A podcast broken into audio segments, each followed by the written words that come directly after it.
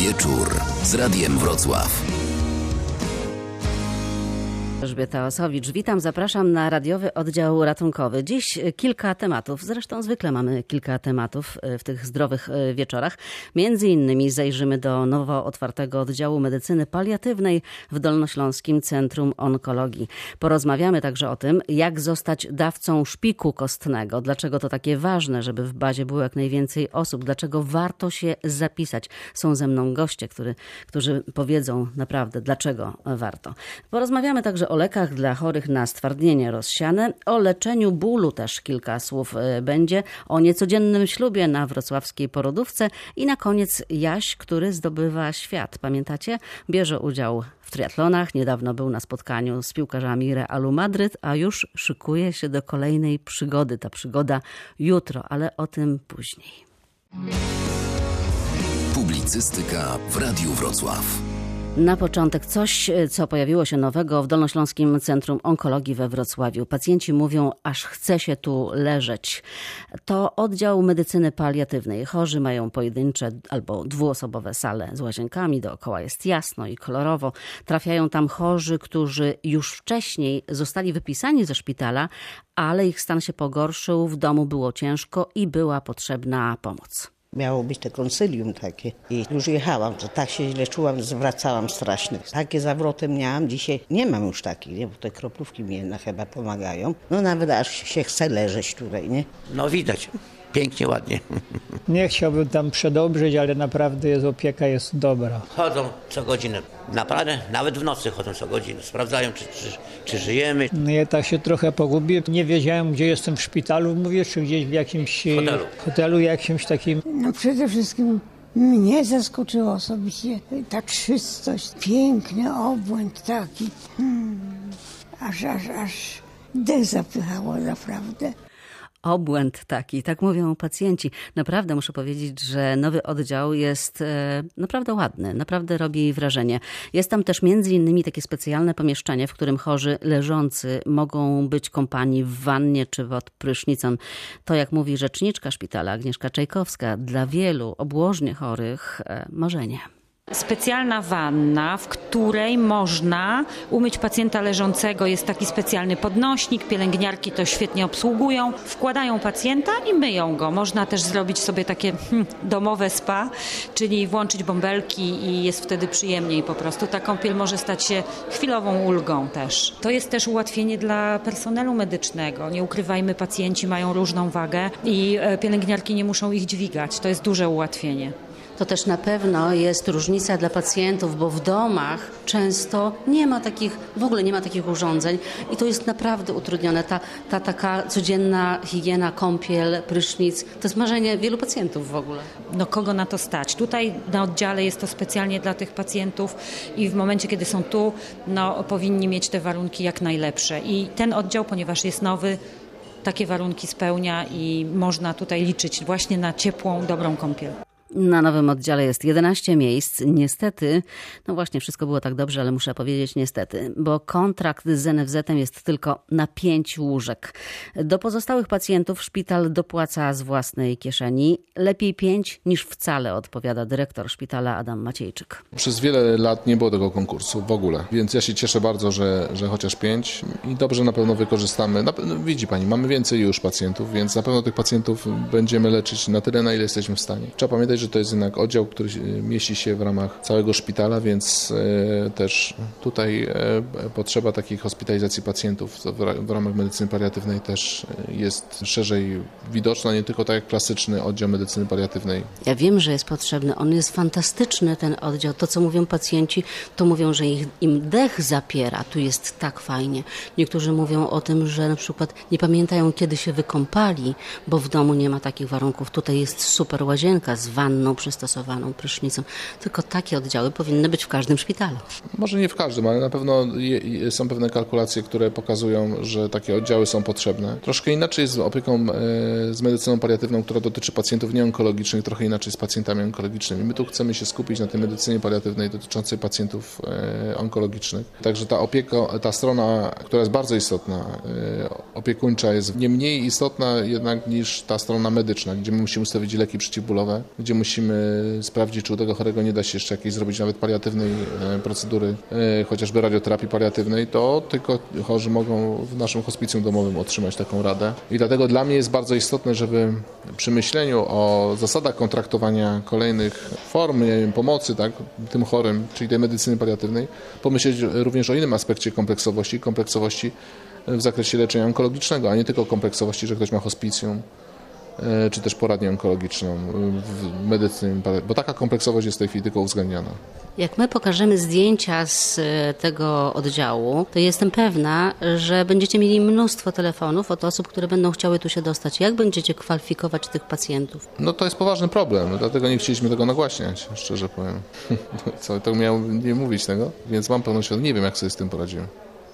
Szczerze powiem ale pytanie brzmi, kiedy zaczniemy szczerze rozmawiać w ogóle o sytuacji polskiej onkologii, bo rok czy tam kilka miesięcy temu rozmawialiśmy o oddziale, o breast unicie, o tym oddziale, gdzie leczymy raka piersi. Mówiliśmy, że rozładujemy ten problem, a ja już widzę, że mamy tylu chętnych, e, że już sobie tam nie radzimy z ilością pacjentów. Więc e, najwyższy czas o tym, żeby pomyśleć o w ogóle budowie nowego szpitala, bo... No budowa nowego szpitala zaraz, już. Budowa nowego szpitala nie rozwiąże problemów. Trzeba pomyśleć o koordynacji w ogóle całej opieki onkologicznej w całym województwie, żeby e, przestać mówić o, tym, że każdy powinien leczyć onkologicznie. Nie każdy powinien leczyć onkologicznie. Powinni leczyć onkolodzy. Onkolodzy powinni pokazywać, jakie mają wyniki swojego leczenia, pokazywać, jak to robią. To powinno być poddane ocenie. Te jednostki, które są słabsze, trzeba by wzmocnić albo im zabrać prawo do tego realizacji takich świadczeń. A tych, którzy robią to bardzo dobrze czy dobrze, to też dodatkowo wzmocnić, żeby mogli to robić szerzej. Bez takiej uczciwej dyskusji na ten temat nie posuniemy się ani o krok dalej. Nie ma tej dyskusji. Za mało jest tej dyskusji. Jest, jest coraz częstsza, jest, ale głównie w środowisku medycznym. To my głównie e, dyskutujemy na ten temat. Między sobą. Między sobą, tak. Inne tematy e, są bardziej ciekawe, nawet dla zwykłej społeczności, dopóki ktoś nie ma w rodzinie takiej sytuacji. Ale wierzcie mi Państwo, zachorowalność wzrasta, jesteśmy coraz starsi, niedługo wszyscy będziemy mieli ten problem. I pytanie brzmi, czy wtedy nie będzie za późno na dyskusję, bo już za późno na pewno na działanie. Nowy szpital. Na jakim jest teraz etapie? Tworzymy dokumentację pod konkurs, który ma być niedługo ogłoszony. Ale w tym zakresie konkursu też jest opóźnienie. No, powinien być już ogłoszony konkurs. Pamiętam, że w grudniu, tak, miał być ogłoszony. Nie jest jeszcze, tak? E, no jeszcze mamy trochę grudnia. Mam nadzieję, że będzie. No ale zanim powstanie koncepcja, będzie architektura i e, budynek, no to jeszcze na pewno z kilka lat. Ale, ale to jest też czas, który trzeba wykorzystać na to, co my tutaj robimy.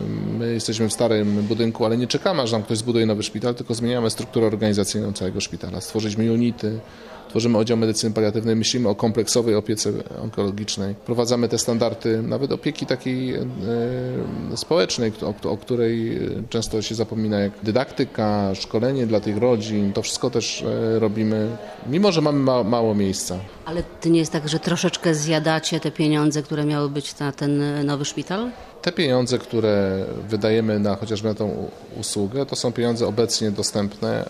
E, jak nie mamy jeszcze konkursu i nie mamy struktury nowego szpitala, to e, przepraszam bardzo, nie wiem dlaczego mam odkładać e, pieniądze.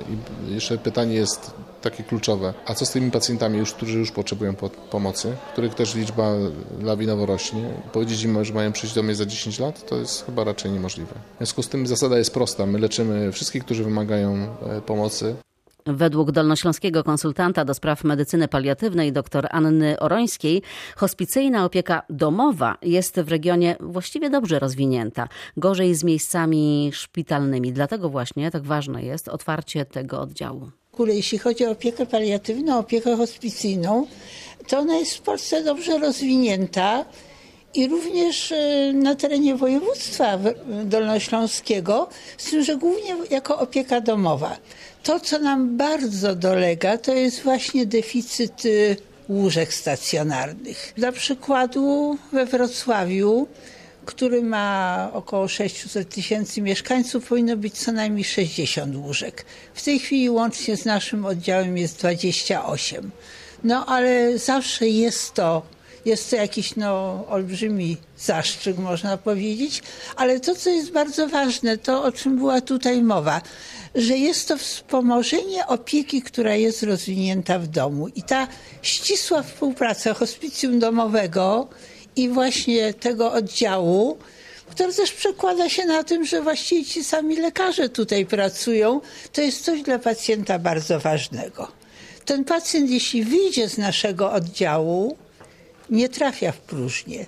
Trafia dalej pod opiekę, no praktycznie mówiąc, tych samych ludzi, mających ten sam kontakt i wyznających tą samą filozofię opieki, co chyba w tym wszystkim jest najważniejsze to myślę, że wszyscy się z tego bardzo cieszymy. We Wrocławiu mamy tego typu oddziału nie mamy. Jest hospicjum ojców Bonifratrów. To są 23 łóżka, które spełnia trochę inną rolę, dlatego że ma, jest bardziej opiekuńcze. My mamy większe możliwości, czy to diagnostyki, czy no, jakichś działań y, też inwazyjnych, leczniczych, chociaż oczywiście hospicjum też taką rolę może spełniać. To miejsce jest takie tymczasowe. Rozumiem, że w rodzinie, w domu się pojawia trudność, pacjent trafia tu na jakiś czas, tak? Tak, tak, byś, tak to widzimy, tak byśmy chcieli, żeby tak było. Miejsc jest mało. Jak tu kwalifikować te osoby, które najbardziej tego potrzebują? Właśnie w sytuacji, kiedy przynajmniej z doświadczeń miesiąca kiedy oddział działa, że są to głównie pacjenci, którzy są objęci opieką hospicjum domowego, to bardzo ułatwia sprawę. Dlatego, że rzeczywiście wtedy osoba kwalifikująca nie tylko zna stan fizyczny pacjenta, ale również no, te uwarunkowania na przykład rodzinne, o którychśmy mówili, jest to też możliwość, pewien czas, żeby rodzinę przyuczyć niektórych działań przy pacjencie, które tutaj widząc, jak to pielęgniarki robią, mogą później to bardziej odważnie robić w domu, tak bym powiedziała. I jeszcze raz wracając e, do oddziału medycyny paliatywnej, naprawdę robi świetne wrażenie Katarzyna Bodier, tak zwana boska matka, która urodziła dziecko, mimo że w ciąży miała raka. Mówi, że widziała wiele szpitali, ale tym naprawdę można się pochwalić. Ja e, widząc to miejsce, e, przede wszystkim pierwsze na co zwracam uwagę, to jest to, że ono jest przyjazne dla pacjenta. I mimo tego, że jest to oddział paliatywny, który nam się kojarzy dość smutno, to tak naprawdę naprawdę, kiedy tu się wchodzi, to w żadnym jego miejscu nie widać tak naprawdę, że jest to właśnie taki oddział, więc ja ze swojej perspektywy mogę powiedzieć e, wielkie gratulacje dla naszego DCO, e, że takie miejsce powstało. Mam nadzieję, że ono będzie przede wszystkim dla pacjentów i rzeczywiście pacjenci e, będą mogli korzystać w pełni tego słowa znaczeniu z tego oddziału. Bo w domu, po wyjściu ze szpitala bywa trudno. Tak, y, bywa bardzo trudno. Wiem to z własnego doświadczenia, ponieważ mój tato, kiedy chorował, ostatnie tygodnie y, spędził z nami w domu, gdzie zapisaliśmy go tylko do y, poradni paliatywnej, właśnie tutaj przy, przy tym szpitalu, gdzie tak naprawdę to była taka pomoc tylko doraźna i nie było jakiejkolwiek szansy, żeby go położyć gdzieś, żeby nauczono nas, jak się opiekować takim pacjentem. E, więc no, uważam, że e, jest to bardzo duży e, krok do przodu, dobry początek. Jakie wrażenie tutaj? Mm, czuję taki spokój. Bije tutaj stąd też takie ciepło. Może to jest też zasługa kolorów, które tutaj e, są, więc osoba, która projektowała, naprawdę to dobrała. Myślę, że pacjent e, będzie się tutaj czuł komfortowo na tym oddziale i e, jak sama wiesz, udało mi się przejść przez kilka oddziałów w różnych miejscach w Polsce i szpital, tutaj nasze Dolnośląskie Centrum znam bardzo dobrze.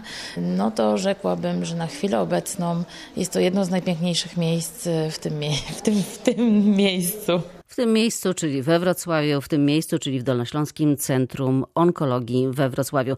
Remont i wyposażenie pomieszczeń w budynku przy placu Hirschfelda kosztowały 2,5 miliona złotych. Te pieniądze pochodzą ze środków unijnych.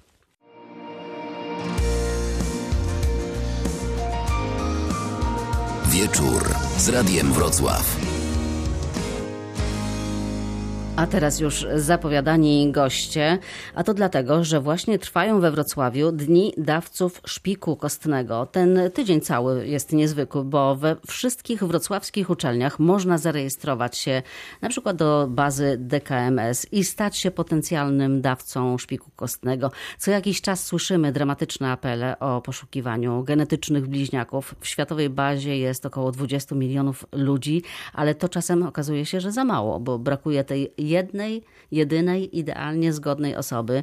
Tak było zresztą całkiem niedawno w przypadku dziewięcioletniego Karolka, który jest leczony w przylądku nadziei i im nas będzie więcej, tym większa szansa na takie idealne dopasowanie. Twarzą tej akcji, można tak powiedzieć, organizowanej między innymi przez Uniwersytet Medyczny, została Dominika Kluczka.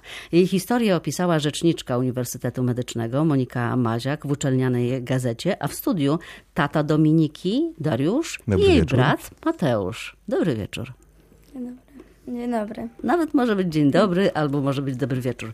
Dlaczego tu jesteście? E, Dominiki niestety nie może być, bo Dominika jest trochę mniejsza i już e, jest późno, już e, śpi, ale Dominika była chora bardzo poważnie i tak naprawdę mogła oglądać świat e, z okien właśnie przylądka nadziei. Okazuje się, że w tym roku wystartowała w biegu Uniwersytetu Medycznego i co więcej, stanęła na pudle, czyli zdobyła e, drugie miejsce. Ale od początku, co się takiego wydarzyło, kiedy Dominika e, zachorowała?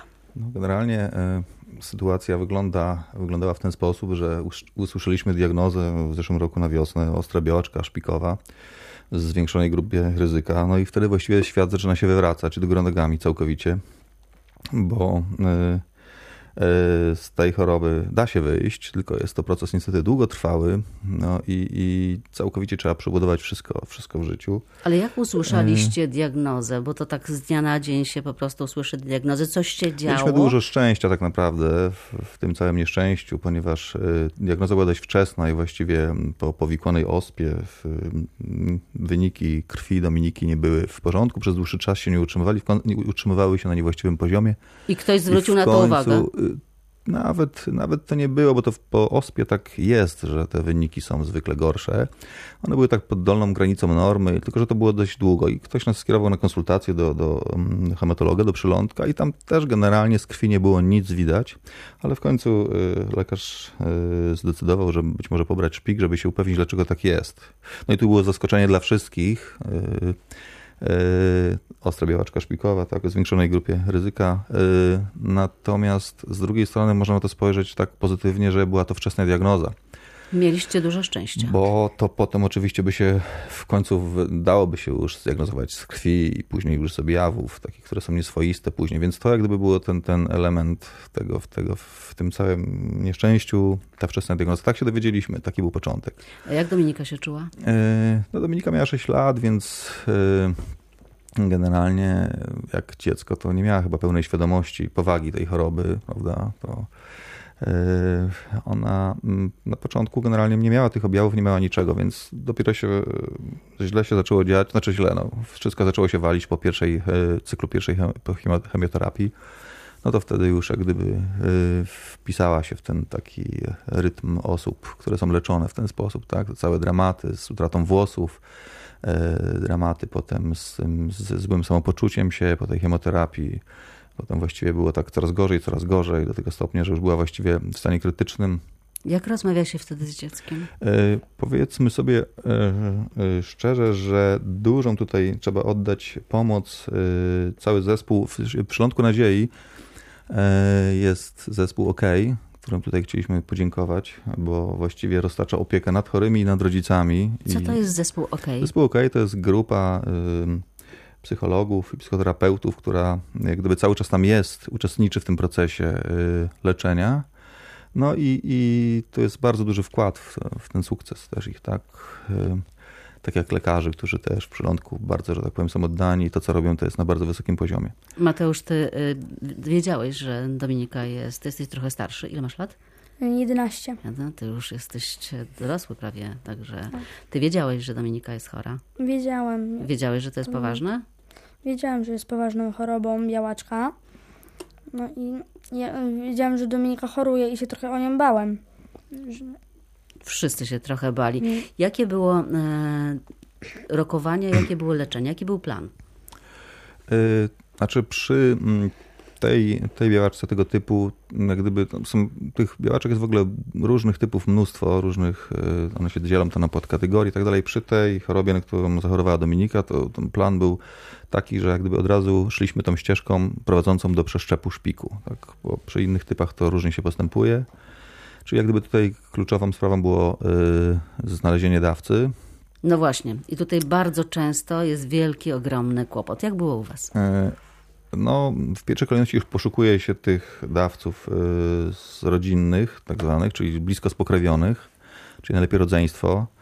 E, Rodzice wbrew pozorom nie są dobrymi dawcami, jednak. mm, Jakkolwiek by się rodziców- bardzo starali.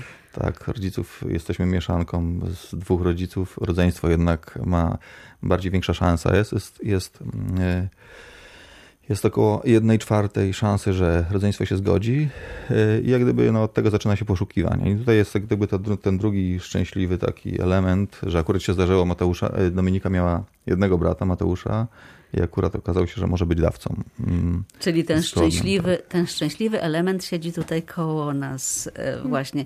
Mateusz, e, okazało się, że ty możesz być dawcą szpiku dla Dominiki. Jak się dowiedziałeś, to jak ty zareagowałeś? E, Co z tego rozumiałeś? Wiedziałeś, co to znaczy?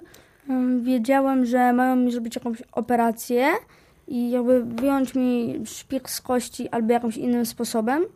I będzie mi to kosztować trochę czasu i poświęcenia dla mojej siostry. Mhm. I rzeczywiście, jak było potem?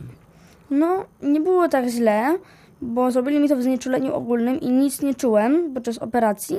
I założyli mi wkłucia udowe. Znaczy tutaj y, w znieczuleniu ogólnym nie pobierali ci szpiku, tylko miałeś założone y, Wkłucie udowe. wkłucie udowe, bo Mówicie po- bardzo profesjonalnym językiem, wkłucie y, udowe, tak? Czyli jeszcze raz, szpik był pobierany z krwi obwodowej. Natomiast tak. w znieczuleniu ogólnym miałeś założony taki wenflon duży do, do uda, do tętnicy udowej. Znaczy nie do tętnicy, tylko do żyły w udzie. Mhm. Jak się czułeś wtedy? To bolało? Mm, Nie, nie bolało mnie. Podłączyli mnie do takiego dużego urządzenia. Trochę chyba było mniejsze albo większe ode mnie. Nie pamiętam już dokładnie. I przetłoczyło moją krew chyba z cztery razy. No, urządzenie z tej krwi jakby odwirowywało moją krew. Mm, Rozdzielało ją na szpik i na krew i krew oddawało z powrotem mi, a szpik zatrzymywało dla siebie i gromadziła w worku. I potem co z tym szpikiem się wydarzyło? Potem, jak po 3,5 godzinie, e, godzinach wirowania, e, ten szpik z tej torebki wzięli, zanieśli dwa pokoje obok do mojej siostry, podłączyli i mm, podłączyli jej do wkłucia takiego bardziej na bio, mm, no też na udzie, czyli bardziej z, nad udem trochę. Czyli Dominika dostała twój szpik. Tak. I tak wyglądał przeszczep. I to znaczy, że e, no tak nie było tak szybko pewnie, nie było tak od razu, że od razu wyzdrowiała następnego no dnia. tutaj, tak, to jest jak gdyby tutaj mm, no, mówimy o przeszczepie, natomiast e, jak gdyby choroba to jest osobna, osobna historia, która przygotowanie do, tej, do tego przeszczepu trwało kilka miesięcy, jest ileś cykl, cykli chemioterapii. E, i Na końcu jak gdyby jak już ma się dawcę, no to już tam ostatnia tak zwana megachemia jest jak to ładnie mówią w slangu lekarze, wypalenie szpiku, czyli jak gdyby wyzerowanie tej, tej osoby i wtedy już e, mm, e, taki biorca jest w sterylnych warunkach przechowywany, cały czas utrzymywany i tak dalej. I ten, sam moment przeszczepu to jest jak gdyby, no to nic spektakularnego, to jest podanie tego mm, e, materiału, który został pobrany po prostu do krwi obwodowej. Ten szpik sobie sam tam znajduje swoje miejsce i się zaczyna potem tam zagnieżdżać i rozmnażać.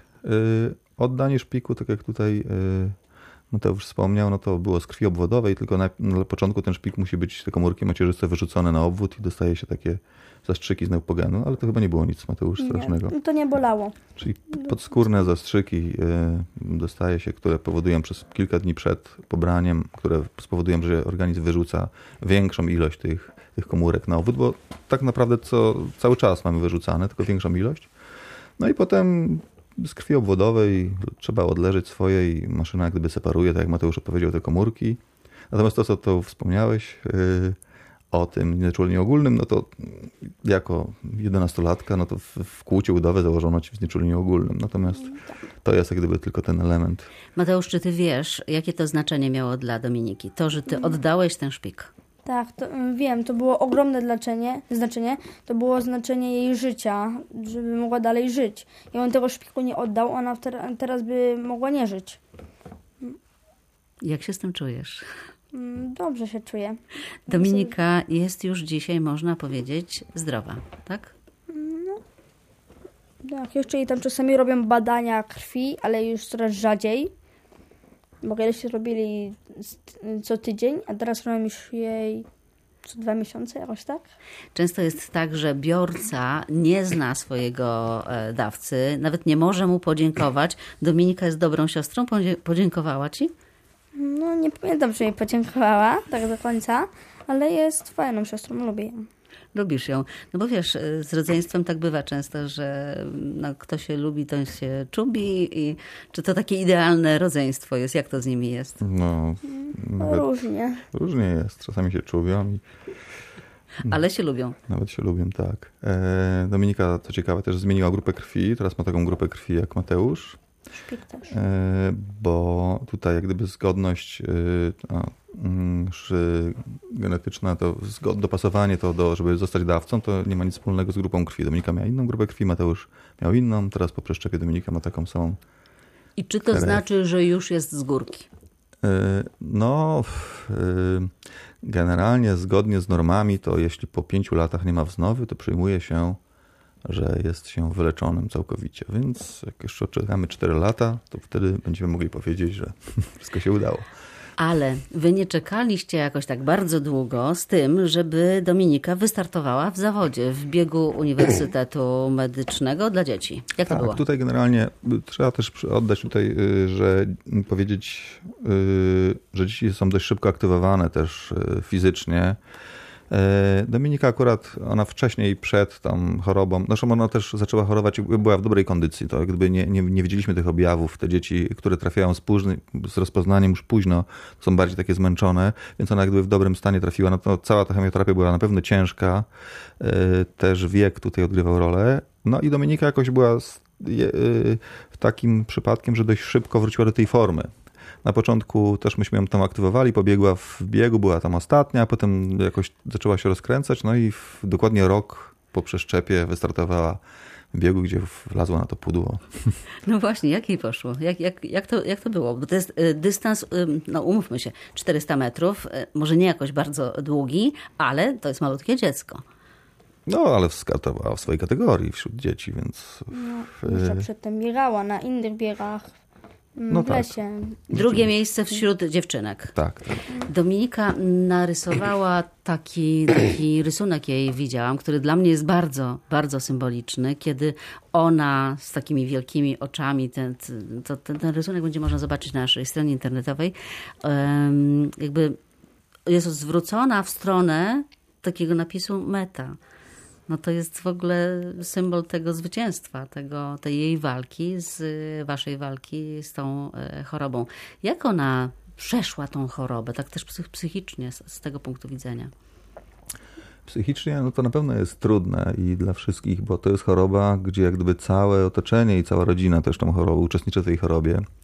No bo teraz proszę sobie wyobrazić, że y, abstrahując od tych wszystkich y, cierpień, które się tam przechodzi, e, będąc jak gdyby no, w, zamknięciu, w sterylnych warunkach, właściwie przez y, rok czasu jest się, no akurat Dominika była trochę krócej, no ale pół roku takiej zamkniętej terapii, e, a oprócz tego, jak gdyby dziecko sześcioletnie, tak, y, jest mm, w takich warunkach, gdzie ma wszystko podane, wszystko, coś upadnie na podłogę, to nie może tego wziąć, to jest na wyrzucenie. W, w, cały czas trzeba przyznać, że w tym w przylądku dzieci mają wszystko zapewnione na wysokim poziomie, więc jest, każde dziecko ma ogromny telewizor multimedialny i tak dalej, więc oprócz tych aspektów tej choroby, tego wszystkiego, to po takim y, roku, jak gdyby y, potem trzeba wrócić do rzeczywistości, tak, jak się wrócić do szkoły, mieć swoje obowiązki. No właśnie, Dominika jest- wróciła już do szkoły. Wróciła do szkoły, tak. Jak na razie jest w tej grupie, która wróciła, mogła wrócić i no i to też jak gdyby jest kolejne wyzwanie, teraz powrót do rzeczywistości, do obowiązków, do zmagań się z tym wszystkim. Dominika wróciła do szkoły, pobiegła w e, biegu Uniwersytetu Medycznego, stanęła na pudle. a Było to wszystko możliwe dzięki Mateuszowi, między innymi, lekarzom oczywiście. Ale porozmawiajmy jeszcze troszkę o tych e, dawcach, e, dawcach szpiku kostnego, bo w tej chwili właśnie we Wrocławiu trwa wielka akcja rejestrowania się. Pan wie, jak to, pan jest w bazie dawców? Tak jestem, bo już byłem gdyby już w pierwszym, pierwszej fazie poszukiwania, to już cała rodzina była przez, znaczy najbliższa spokrewniona rodzina była przez, po, pobrana krew do badań.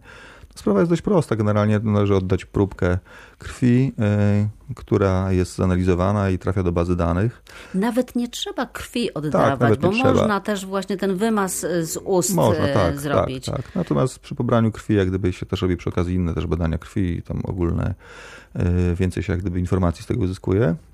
Można, ale najciekawsze jest to, że to trafia do bazy danych i te bazy danych już są teraz synchronizowane na całym świecie, czyli te poszukiwanie teraz da, dawcy jest już jak gdyby globalne, czyli y, możemy znaleźć y, zgodnego dawcę gdzieś w drugim końcu świata. I tak w przylądku były takie sytuacje, że szpik przyjechał ze Stanów i, i W bardzo rzadkich sytuacjach, ale to- najlepiej też e, ten genotyp zdaje się najlepszy jest, jeśli to są e, jakiś bliżej spokrewnieni. e, tak, to jest najlepszy, najlepszy, najlepszy układ. Ale też chciałabym, żebyśmy jeszcze kilka słów powiedzieli o tym dla tych, którzy, którzy nie są jeszcze w bazie, bo zarejestrowanie się to jedno, ale bo to można zrobić bardzo prosto. Wystarczy wejść na stronę na przykład DKMS-u, tam krok po kroku zajmie to naprawdę 3 minuty i jesteśmy już w bazie dawców. Przysłany zostanie pakiet, musimy to tam e, troszeczkę wykonać e, kilka ruchów e, w jamie ustnej i trzeba, drodzy Państwo, trzeba to odesłać po prostu, bo samo zarejestrowanie się to jeszcze nic, trzeba to odesłać. A druga rzecz, ja na przykład czekam na ten telefon któregoś dnia, być może, jestem też oczywiście e, w bazie i czekam na taki moment, Mateusz, patrzysz na mnie, ja zazdroszczę Ci, że Ty mogłeś, chciałabym też móc komuś e, pomóc, ale to nie zawsze, wie Pan, e, bywa tak łatwo, prosto i kolorowo. Mhm. Nie było tak. Tu jest jeszcze taki, taka jedna rzecz, na którą trzeba zwrócić uwagę, że zarejestrujemy się w tej bazie, y, czyli jak gdyby wyrazimy chęć, że ten nasz szpik y, mm, chcemy gdyby komuś użyczyć. To jest, nasz, to, jest, to jest organ, który się odtwarza cały czas, czyli nic nie, traf, nie tracimy, tak jak krew, oddając szpik. E, I teraz, y, jeżeli znajdzie się jakiś biorca zgodny, to dostaniemy jak gdyby zwrotną informację, żeby, żeby potwierdzić. I tutaj zaczynają się dramaty, jeśli ktoś wtedy się wycofa bo y, no, tam jest gdzieś po drugiej stronie ten, ten biorca, który w nadziei znalazł tego swojego genetycznego brata bliźniaka, jak to tutaj kiedyś zostało ładnie powiedziane, a tu nagle okazuje się, że jednak ten dawca y, no, gdzieś się boi. Myślę, że to też może wynikać stąd, że ludzie się boją, bo y, mają wyobrażenie być może, że to jest coś strasznego, to oddanie szpiku. Nie? Tam jest kilka metod, tam metoda z krwi obwodowej jest naprawdę Taka, jaką miał Mateusz. Taką jak miał Mateusz. No, Mateusz, generalnie co robiłeś podczas oddawania tego szpiku? No to oglądałeś telewizor, prawda? No tak, chociaż on był trochę zepsuty Telewizor? celi. To był największy No, problem. dokładnie to pilot był zepsuty chyba, bo baterie miał rozładowane, telewizor chyba działał. No właśnie, więc No. tak nie jest to nic, przy tej metodzie z krwi obwodowej nie jest to nic strasznego oddanie Bo szpiku. druga metoda to jest. e, To jest z- starczki miednicy, to się robi w znieczuleniu i wtedy to jest taka metoda y, W takim wkłuciu. W kłuciu, tak. Y, To jest miejsce, gdzie jak gdyby można pobrać szpik tam bez jakiegoś zagrożenia. Ważne jest to, żeby mieć właśnie w głowie tą świadomość, że gdzieś po, po tej drugiej stronie czeka ten e, biorca, rodzic, e, który właśnie ma nadzieję, że e, właśnie pojawiła się szansa na życie. Szansa na życie. I teraz chodzi o to, żeby się nie wycofać. Żeby się nie wycofać, tak. To w tej sytuacji jest naprawdę dramat. To już najgorsze, co można zrobić, tak? Dać komuś nadzieję, potem ją zabrać. Myślę, że świadomość jest e, w tej chwili bardzo duża, coraz większa, coraz więcej osób się zapisuje, ale naprawdę każda osoba, każda jedna osoba, która słyszy nas teraz, a jeszcze nie jest w bazie dawców, to naprawdę może to zrobić. Może to zrobić na jednej z wrocławskich uczelni. Do końca tygodnia właśnie trwają dni e, dawców. Jutro też będziemy w Radiu Wrocław jeszcze dużo o tym mówili i zachęcali Państwa do tego, żeby wziąć udział w tej akcji. Można także wejść na stronę internetową DKMS-u i poświęcić kilka minut, dosłownie kilka minut i e, przydać się komuś e, w życiu. Być może e, potencjalnie e, kiedyś może się to przydarzyć, że zadzwoni telefon i usłyszymy, że może pan, pani komuś uratować życie. Czy pani się zgadza? Nie wyobrażam sobie, że można byłoby powiedzieć nie. Bardzo Wam dziękuję za to, że przyszliście do studia. Mateusz, bardzo Ci dziękuję, że byłeś taki dzielny, bohaterski i że pomogłeś swojej siostrze. Jak jeszcze nie powiedziała Dominika, dziękuję, to pewnie Ci kiedyś powie, jak to tak dotrze do niej e, na pewno. Bardzo, bardzo dziękuję Wam za Dziękuję bardzo. wizytę w studiu. Przypomnę tylko, że naszymi gośćmi byli mm, tata i brat e, Dominiki Kluczki, Mateusz i Darek. Dziękuję. Dziękuję bardzo.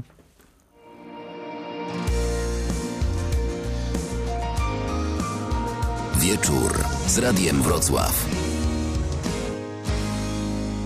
A my przed końcem audycji mamy jeszcze kilka tematów, które chciałabym Państwu przedstawić. Jeden z nich to leki dla chorych na stwardnienie e, rozsiane. Mówiliśmy o tym e, krótko w naszych serwisach, ale to ważna informacja dla chorych. E, więc tak, Legnica, Głogów, Zgorzelec. W tych miastach można właściwie prawie od ręki dostać leki, zapisać się do takiego programu lekowego. Natomiast we Wrocławiu trzeba czekać nawet rok. Ryszard Kuczyński z Polskiego Towarzystwa Stwardnienia Rozsianego zauważa, że dla wielu chorych jeżdżenie co miesiąc po leki, no to jest spory kłopot z jednego powodu, e, żeby stać w kolejce, bo są ośrodki, w których od Jeden. ręki można dostać leczenie. Wystarczy tam pojechać.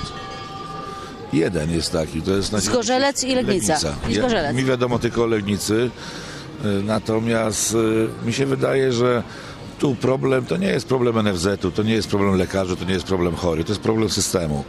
I ja tu apelowałem do dyrektora NFZ-u, żebyśmy mówili jednym wspólnym głosem, żeby się, żeby się wszyscy spotkały, wszystkie strony i porozmawiali na ten temat.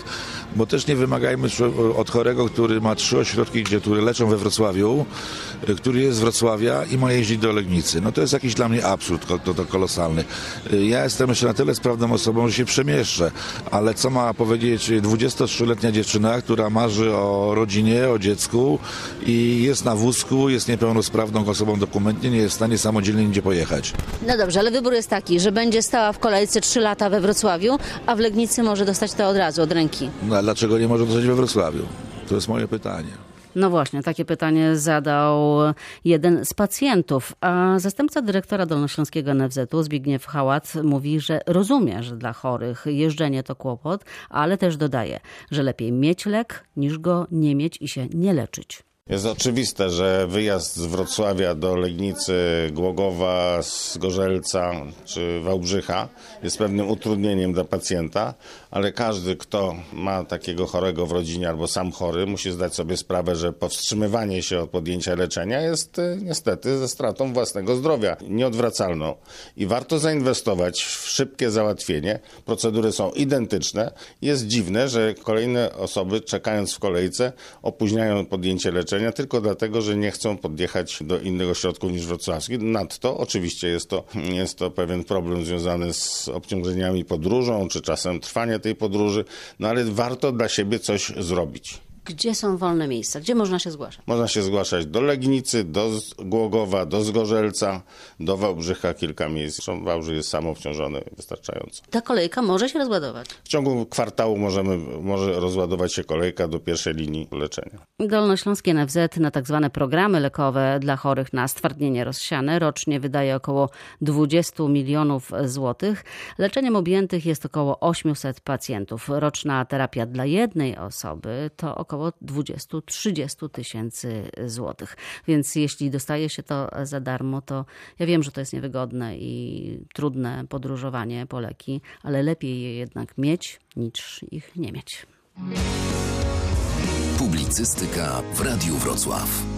Dziś poznaliśmy Dominikę i jej rodzinę, a przypomnę jeszcze Jasia Kmiecia, o którym dużo mówiliśmy, jak razem ze swoim fizjoterapeutą Łukaszem Malaczewskim zaczął startować w triatlonach, a ostatnio pojechał na spotkanie z piłkarzami Realu Madryt. Przypomnijmy tę historię. Jedę do Madrytu spotkać się z piłkarzami mojego ulubionego klubu Real Madryt. A kogo tam najbardziej chcesz spotkać? E, Najbardziej chciałbym tam spotkać Cristiano Ronaldo.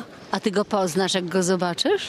Tak, po twarzy. Wszystko zaczęło się od biegania. Wymyśliliśmy sobie nazwę fizjoterapia. To jesteśmy z Jasiem, my sobie wymyśliliśmy taką nazwę, ponieważ to jest połączenie fizjoterapii i triatlonu w jednym, czyli połączenie mojego zawodu z pasją. Tutaj Ania nam pomaga w prowadzeniu strony i w, w tym, żebyśmy mieli jakieś wsparcie jeszcze dodatkowe i pół roku temu, dokładnie chyba 30 maja, zaryzykowała i wysłała pytanie do Realu Madryt, czy pisząc naszą całą historię Jasia choroby i tego, co robimy, jakie mamy plany, wysłała takie zapytanie do Realu Madryt, czy byłaby możliwość spotkania Jasia e, z, z piłkarzami, ponieważ jest to jego marzenie. Jaś marzy już od kilku lat o spotkaniu takim.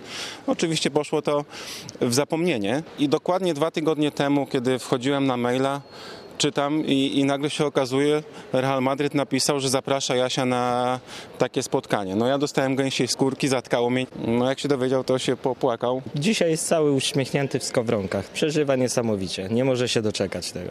Ronaldo i jego koledzy już wiedzą o Jasiu, znają jego historię? Myślę, że tak, bo już jest zaplanowany cały harmonogram tego spotkania. O godzinie 9.30 w czwartek y, Jaś jedzie do Realu Madryt, wejdzie z tatą. Jest spotkanie, oficjalne przywitanie całej drużyny Realu Madryt. Następnie Jaś uda się z drużyną na półgodzinny trening, gdzie z balkonu będzie obserwował, jak cała drużyna trenuje. Piłka była pierwsza, triatlon następny. Też się zakochał w tym.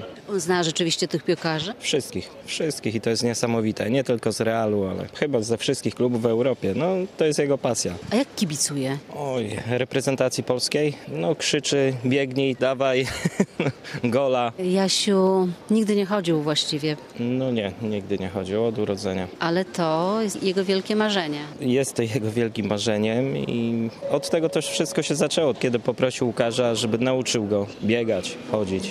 I od tego się to zaczęło, ta cała przygoda. Czym jest dla niego to bieganie? Zapomina o chorobie, wie, że może w inny sposób, ale może tak, biegnie, pływa, jeździ na tym rowerze. Może inaczej niż wszyscy, ale lubi to i to go fascynuje. Ja cieszę się z tego, że Jasiu się cieszy. Chciałbym podziękować wszystkim i was kocham. No i jak tu nie kochać Jasia? E, Jaś z Madrytu już wrócił, ma koszulkę z podpisem Cristiano Ronaldo, ma też piłkę z podpisami wszystkich e, piłkarzy drużyny królewskich, ma też zdjęcia, no ale zgodnie z umową z klubem nie może ich pokazywać publicznie, ma też w pamięci przygodę życia. Ale, no właśnie, to nie koniec jego przygód, bo Jaś już szykuje się do nowej roli.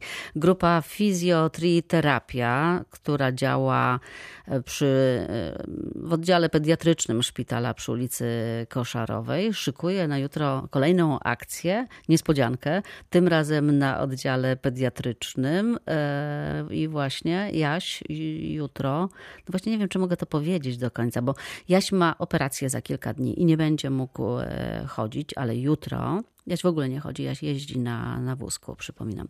Ale jutro wcieli się w rolę taką niezwykłą. No Jaś ma 11 lat, ale nie mogę zdradzać szczegółów, ale powiem tylko, że będzie miał brodę. No i no dobra, to tyle. Na razie, jutro więcej na ten temat.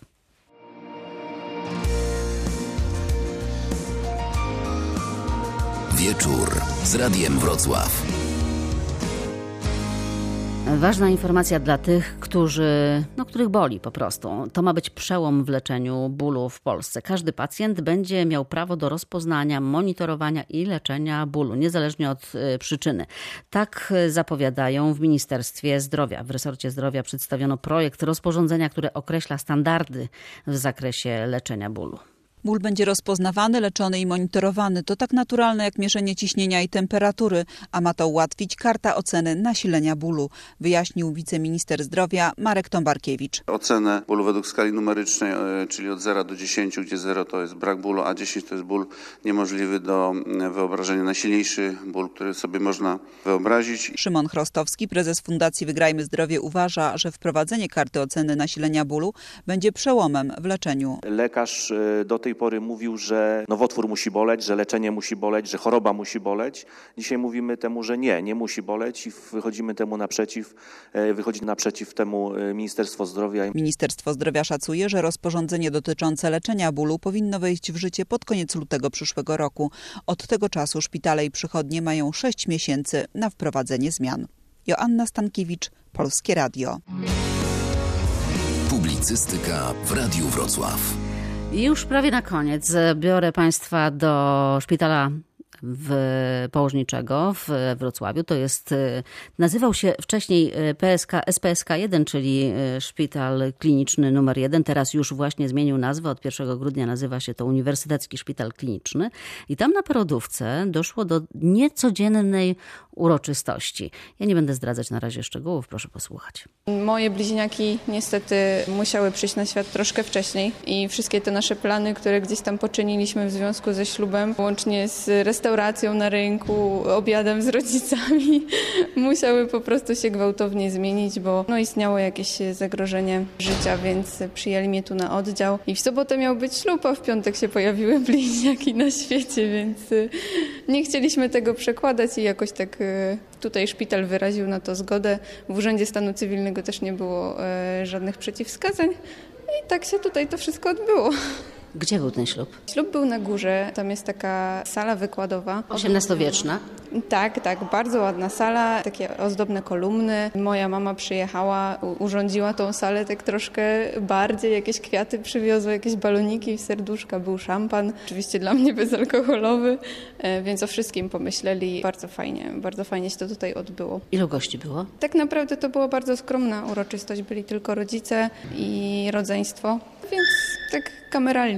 A ktoś ze szpitala? Tak, była pani profesor, która jest kierownikiem tutaj e, całej kliniki e, i pani sekretarka, która też nam pomagała troszkę to wszystko zorganizować. Także była delegacja e, z życzeniami. Pani na tym ślubie była w piżamie szpitalnej czy w sukni? Suknia była przyszykowana specjalnie na, na moje gabaryty, że tak powiem. E, Jeszcze znajoma e, krawcowa ją tak ładnie e, gdzieś tam poprawiała, żeby dobrze się układała pomimo tego okrągłego brzucha. Natomiast, e, że to było po porodzie, to suknia już była za duża, więc odbyła się tu czysta improwizacja. Również dzięki mojej mamie, która gdzieś tam coś z domu przywiozła, tutaj szpilkami po, podpinała. Nie byłam w piżamie, miałam białą sukienkę, żeby zachować jednak odrobinę tej tradycji. Jak się pani czuła, bo pani była tuż po przecież cesarskim cięciu, tak? Tak, tak. To było kilka dni po cesarskim cięciu, więc y, gdzieś już tam nabrałam tych sił, żeby się poruszać. Wiadomo, że to troszkę zajmuje, zanim kobieta wróci do y, takiego normalnego stanu. Ale że to nie było daleko, także, że tak powiem, w kapciach mogłam wyjść. To w którym tygodniu urodziły się dzieci? Dzieci urodziły się w 32 tygodniu ciąży. Istniało jakieś tam zagrożenie ich życia, więc y, miałam tutaj w szpitalu bardzo dobrą opiekę, szczególnie na patologii ciąży i tam chciałabym podziękować tym wszystkim lekarzom, którzy się mną opiekowali i to w sumie dzięki nim chyba zawdzięczam, że, że chłopaki są teraz zdrowi i silni. Oni podjęli taką decyzję i, i wszystko jak na razie się dobrze układa. Chłopcy jaką wagę mieli, jak się urodzili? Jeden miał 700, e, e, 700 gram, drugi, jejku, 1700 gram, drugi miał 1000 gram, więc ten kilogram różnicy, to 800 gram gdzieś tam się utrzymywało między nimi i to w sumie był taki sygnał e, dla lekarza, że coś się dzieje, że jest, jest coś nie tak, skoro jest taka duża dysproporcja między tymi masami. Byli malutcy, dalej są malutcy. Ich dla mnie chyba zawsze będą malutcy. Jeden z nich jakiś zabieg musiał mieć? Tak, tak. U tego mniejszego e, wystąpiła wada serduszka wrodzona, która jest dość popularna u wcześniaków. Na szczęście los tak nam sprzyjał, że się okazało, że wada się cofnęła, więc e, dzięki Bogu wszystko jest dobrze. Natomiast e, też u wcześniaków e, bardzo często pojawiają się problemy z oczkami. E, I ten mniejszy właśnie wczoraj e, miał e, laseroterapię, zabieg taki laserem przeprowadzony na oczkach, ale na razie wszystko wygląda, wygląda dobrze. Uśmiecha się, je z wielkim apetytem, więc wszystko powinno być dobrze. Jak mają na imię? Jest Filip, najmniejszy, i Olaf, większy. Pani profesor, była pani podobno na ślubie. Byłam, także niezwykłe przeżycie dla nas wszystkich. No, był urzędnik stanu cywilnego, była panna młoda, przepięknie ubrana, szczęśliwy pan młody, dzieciątka w inkubatorze, niestety. Był szampan bezalkoholowy. W jakim stanie była mama, bo przecież to było tuż po cesarskim cięciu? Mama w świetnej kondycji. U nas bardzo szybko uruchamiamy pacjentki, także mama była w pełni formy. A jak dzieciaczki? Dzieciaczki w tej chwili dojrzewają u nas. Mama jest cały czas w kontakcie, także coraz lepiej się czują. Nawet niewielka wada serca uległa w tej chwili poprawie, także wszystko. Pani profesor, to się już zdarzało u was, że pacjentki brały ślub tutaj w szpitalu? Nie i przyznam, że, że dla nas to też jest takie wzruszające, bo to świadczy o tym, że pacjentka darzy nas i zaufaniem, i sympatią, i że się troszkę czuje jak w domu u nas. Jak w domu i to prawie jak w domu weselnym do tego wszystkiego. Mama Martyna Wilk z dziećmi ma wyjść do domu przed świętami. Jeszcze maluchy jeszcze na razie są w inkubatorze, a jednym ze świadków na ślubie, który odbył się na porodówce w szpitalu przy ulicy Chałubińskiego we Wrocławiu, była pani profesor Lidia Hirnle. W radiowym oddziale ratunkowym dzisiaj to już wszystko. Spotykamy się jak zwykle w zdrowiu, zdrowi wszyscy za tydzień, we wtorek. Do usłyszenia.